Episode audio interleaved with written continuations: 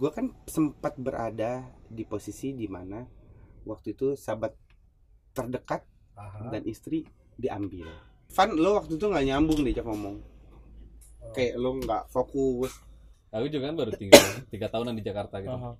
di Bandung sendiri belakangan kan ibaratnya industri musik berubah khususnya karena kita Oh. apa hidup di dunia musik gitu kan Iya, iya. itu juga berpengaruh sama Oh. kondisi kita pribadi masing-masing gitu. Ah. terus pindah ke Jakarta juga Aha. ya lumayan juga ternyata lebih lebih berat lagi sebetulnya gitu Halo, gue Budi Doremi. Assalamualaikum warahmatullahi wabarakatuh. Selamat datang di fan gue di ini podcast Budi. What's up? Bicara soal hati ke hati di ini podcast Budi.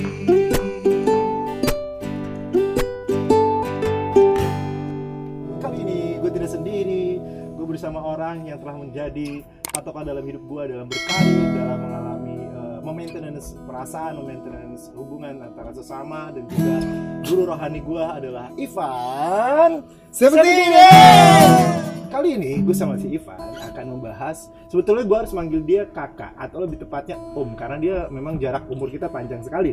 Ivan kalau salah 45 tahun ya. Kalau gue masih 32 tahun. Tapi karena alasan kita memang Eh kemarin kemarin ya kemarin kemarin kan lo tau kan sekarang gue lagi deket sama Citra ya. Jadi kemarin tuh gue nanya Citra nanya gini. Eh, Van kata dia.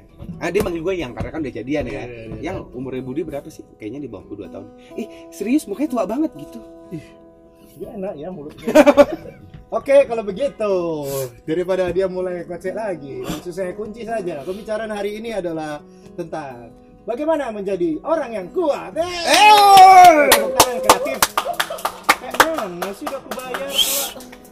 Oke, kalau kayak gitu, bagaimana menjadi kuat? Kita akan tanya sama Ivan, apa aja sih tips menjadi kuat di ini podcast Budi. Ivan, menurut lo anak muda zaman sekarang dengan persoalan hidup yang dilalui, apa aja sih yang menjadi kendala untuk menjadi kuat dalam masalah percaraan, eh, apalagi hubungan antar sesama dan lain sebagainya. Boleh dong Anda coba jelaskan kepada sobat cinta di luar sana. Sebenarnya permasalahannya apa dulu?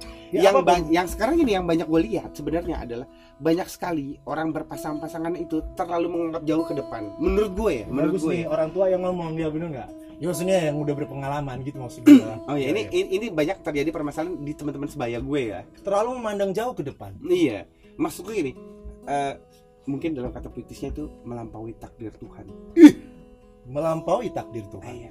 Lo pacaran, Pacaran. pacaran. Terus baru kenal jadian seminggu, panggilannya udah ayah bunda. Ih, ayah bunda guys. Ayah bunda kan? Pipi mimi tuh. maksud gue padahal mereka belum menyadari gitu Ha- permasalahan hidup yang sebenarnya itu bukan panggilan bukan cuma sayang sayangan gitu Apa? tapi bagaimana cara saling menghargai sebenarnya Satu sama lain. satu sama lain kayak misalnya gini banyak orang kayak misalnya eh, pasangan-pasangan pacaran lah let's say pacaran Ah, ah. pacaran terus udah gitu baru pacaran misalnya berapa bulan atau ba- Ah. baru pacaran lah Berpacaran. terus ada permasalahan pengen bunuh diri Ih, parah. norak Emang itu banyak ya kayak gitu ya? Nah, maksud gue gini, kalau banyak terjadi kak, itu banyak banget terjadi. Maksud gue gini, gue bukannya mau sok berpengalaman, gitu. gue Iya, bukannya iya. mau bersekap, tapi gue uh, sudah pernah mengalami kejadian di mana gue harus pisah Iya. dalam berumah tangga, Iya. gitu ya. Ada yang disebabkan karena memang ketidakcocokan, ada yang disebabkan karena musibah. Nah, at the end, sebenarnya at the end itu Aha. hubungan itu adalah bagaimana saling menghargai satu sama lain sebenarnya. Intinya itu doang sebenarnya Hmm. Bukan tentang maksud gue gini bukan tentang melulu soal cinta dan kasih sayang Yes. gitu sama lo Dan ketika saling menghargai akan timbul kekuatan di dalam. itu dia kadang-kadang gue gue eh, gini kadang-kadang orang yang saling mencintai itu menurut gue menurut gue malah tidak akan tidak akan membangun satu sama lain menurut gue Kenapa?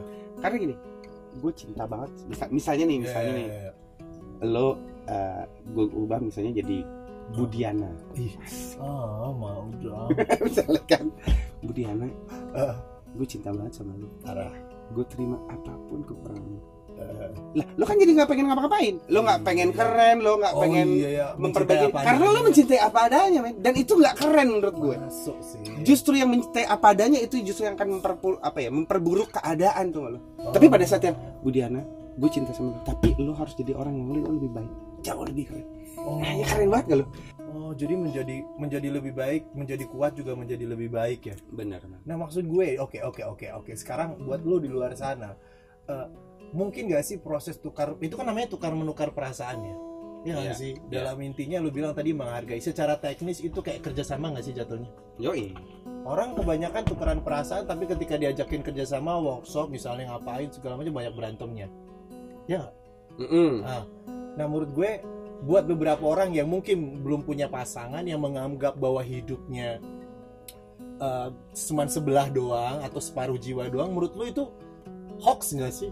Yang menganggap dirinya kayak misalnya ah, gue nggak punya pacar, gue jomblo, kayak seolah-olah bahwa itu jadi masalah hidup dan dan dan ngejalanin hidupnya ke setengah-setengah doang gitu. Menurut lu gimana? Menurut ini menurut gue ya, menurut gue Iya, ya, iya. menurut gue ya. Iya dong. Tingkat tertinggi dalam kehidupan manusia Oh, tingkat tertinggi dari kehidupan manusia. dalam memberikan energi adalah pada saat dia itu hidup bukan hanya untuk dirinya sendiri, Uh. tapi untuk orang lain. Nah ini dalam. Coba pakai pelampung ya kawan-kawan. Tingkatan tertinggi dari kehidupan manusia adalah Pada saat pada saat dia, Dia. hidup bukan hanya untuk dirinya sendiri, tapi untuk orang lain. Tapi orang lain juga tidak berarti harus pasangannya. oh right. Ngerti kan? Iya, iya, Maksud iya. gue, oke, lo bilang kayak dengan adanya pasangan gue jadi semakin kuat. Oh, Oke, fine. Geser. Bukan cuma pasangan, tapi buat diri lo sendiri. Oke, buat diri gue sendiri, gue harus semakin kuat. Oke, geser. Ada lagi menurut gue yang lebih penting. Aha. Lo harus jadi orang yang lebih berguna buat orang lain. Itu menurut gue energi paling besar dan paling kuat menurut gue. Uh, pantas kalau kayak gitu. Ketika kita melakukan sesuatu yang banyak manfaatnya orang orang sekitar, Iya. bukan cuma satu orang yang kita tuju sebagai orang yang kita cintai, Iya. justru lebih banyak energi yang berputar ya. Itu maksud gue. Itu maksud dari arti arti arti kuat menurut gue. Oh. Kuat gitu, kayak bikin kita jadi kuat gitu. Iya, dengan memberi gitu justru jadi lebih kuat juga Evan ya. Iya. Justru orang yang lemah itu yang nggak pernah memberi ya, Evan. Ah, benar sekali. Ih, Karena dia takut akan menjadi lemah pada saat dia memberi. buat kawan-kawan sobat pelit di luar sana yang berpikir jadi jangan pelit-pelit amat ya Van ya Iya. dan pelit ini bukan cuman menurut gue bukan cuman soal material doang Iya. materi doang Iya. materi doang maksudnya bukan cuma ngasih uang bukan cuma ngasih harta tapi ngasih banyak kayak misalnya perhatian ya nggak sih Iya. tapi banyak orang juga yang dia takut dengan memberi nantinya oh, dianggapnya sok dekat dan segala macam. Yang kayak gimana sih bentuk teknisnya namanya memberi ngasih energi di sekitar itu kayak gimana contohnya? Ini teman-teman podcast Budi biar pada tahu ya. Iya. Budi itu salah satu teman, sahabat dan manusia pertama yang pada saat setelah kejadian datang dan main ke rumah gue. Biasanya kita kalau ada masalah sama rumah tangga, sama pasangan, Iya. biasanya, biasanya curhatnya ke sahabat paling dekat. Iya, Sahabat paling dekat tapi ya. iya, iya. Biasanya kalau ada sahabat paling dekat, Aha. curhatnya larinya ke pasangan, Ya. ke istri.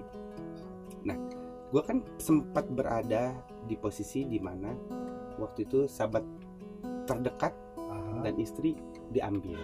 Ya. Benar kan kak? Bener.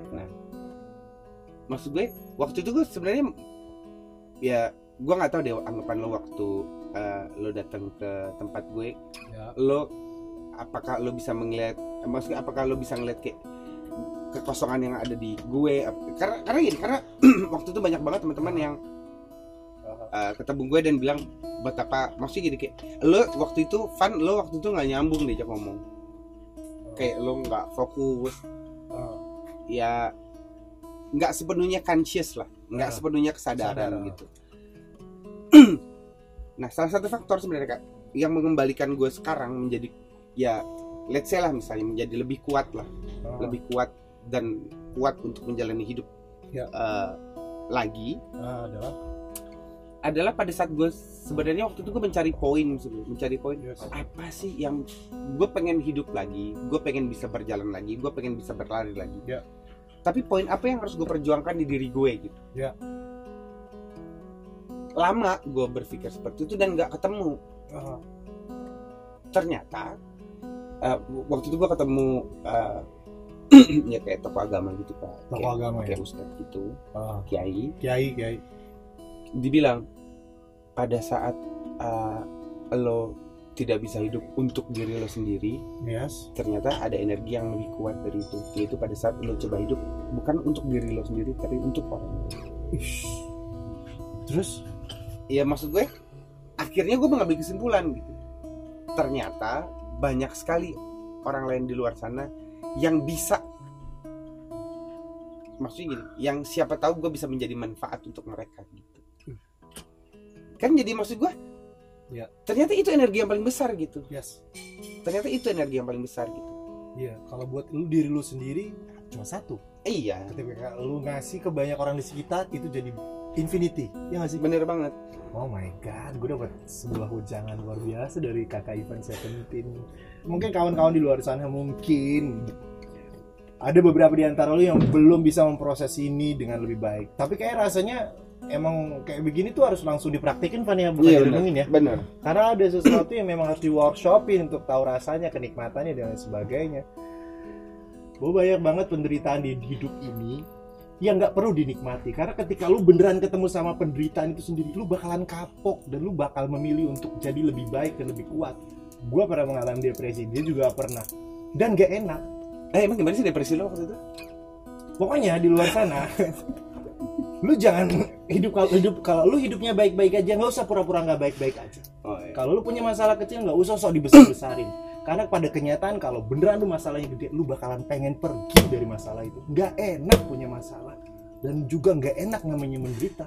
Dan untuk pergi dari penderitaan ya lu harus jadi kuat. Eh tapi bener juga sih. Bener juga lo ngomong ini apa itu? Banyak orang yang kalau masalah kecil jangan digede-gedein. Iya.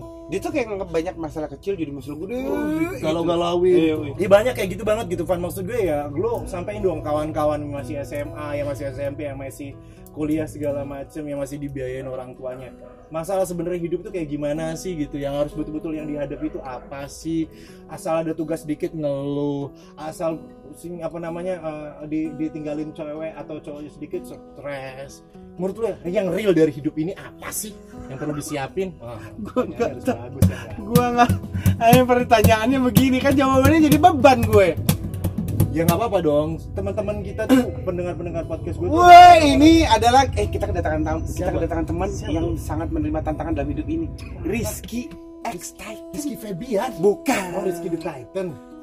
Bukannya dia Rizky Drive sekarang Wah, kita lagi podcast sini dong sini dong sini Oh banyak kali loh bintang tamuku.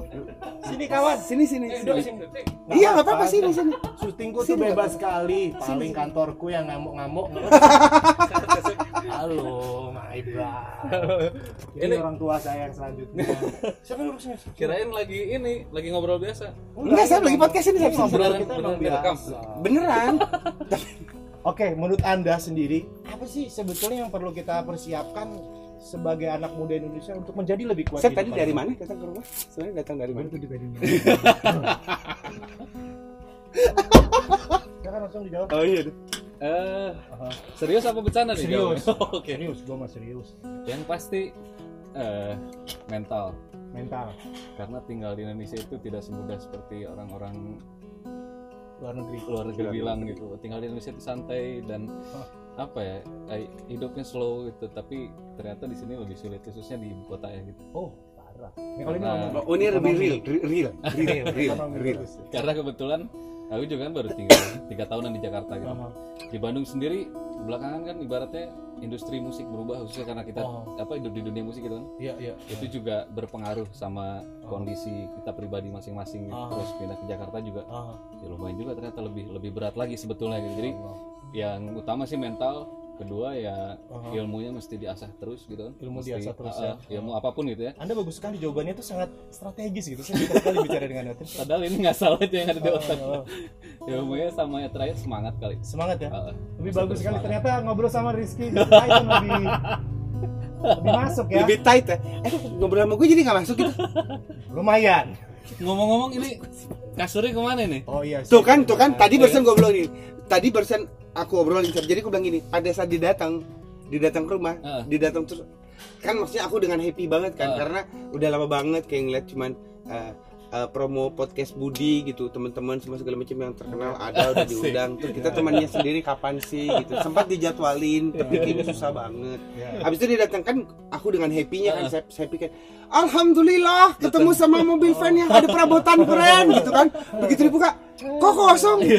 Kayak oh yaudah ternyata FYI for your information aku ini lagi pindahan guys gue lagi pindahan barang-barang gue lagi dikeluarin Pindahan rumah apa mobil? pindahan rumah Rumah. jadi barang-barang gue masukin ke sini Oh. ini tuh jadi pick up Oh, gitu iya. mobil box oh rumah yang nanti wastafelnya mahal itu Intinya sobat cinta di mana pun anda berada di luar sana Saya bersama Ivan Seventeen sebagai bintang tamu utama Dan kedua ada Rizky the Titan sebagai stuntman kita hari ini Standar. Menyimpulkan bahwa menjadi kuat itu bukan berarti kita berpura-pura Menjadi kuat itu bukan berpura-pura Men- Menjadi kuat itu adalah bagaimana kita menjadi manfaat Tidak hanya untuk diri kita tapi orang sekitar kita Bolehlah gue petik omongannya Ivan Seventeen Puncak dari usaha kita menjadi manusia itu adalah ketika kita bisa bermanfaat bagi orang sekitar kita. Jadi ini bukan urusan lu doang. Kalau masih mikirin diri lo, perasaan lo, hal dalam diri lo masih belum dewasa berarti.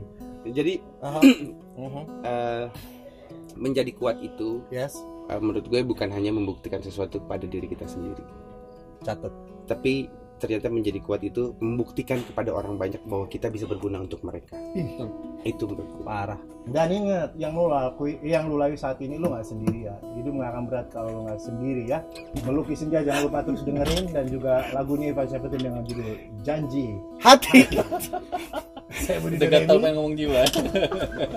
Ini Titan. juga ada Ivan Seventeen di ini podcast Budi. What's up? Assalamualaikum warahmatullahi wabarakatuh. Jangan lupa pilih Ivan di pencalonan selanjutnya.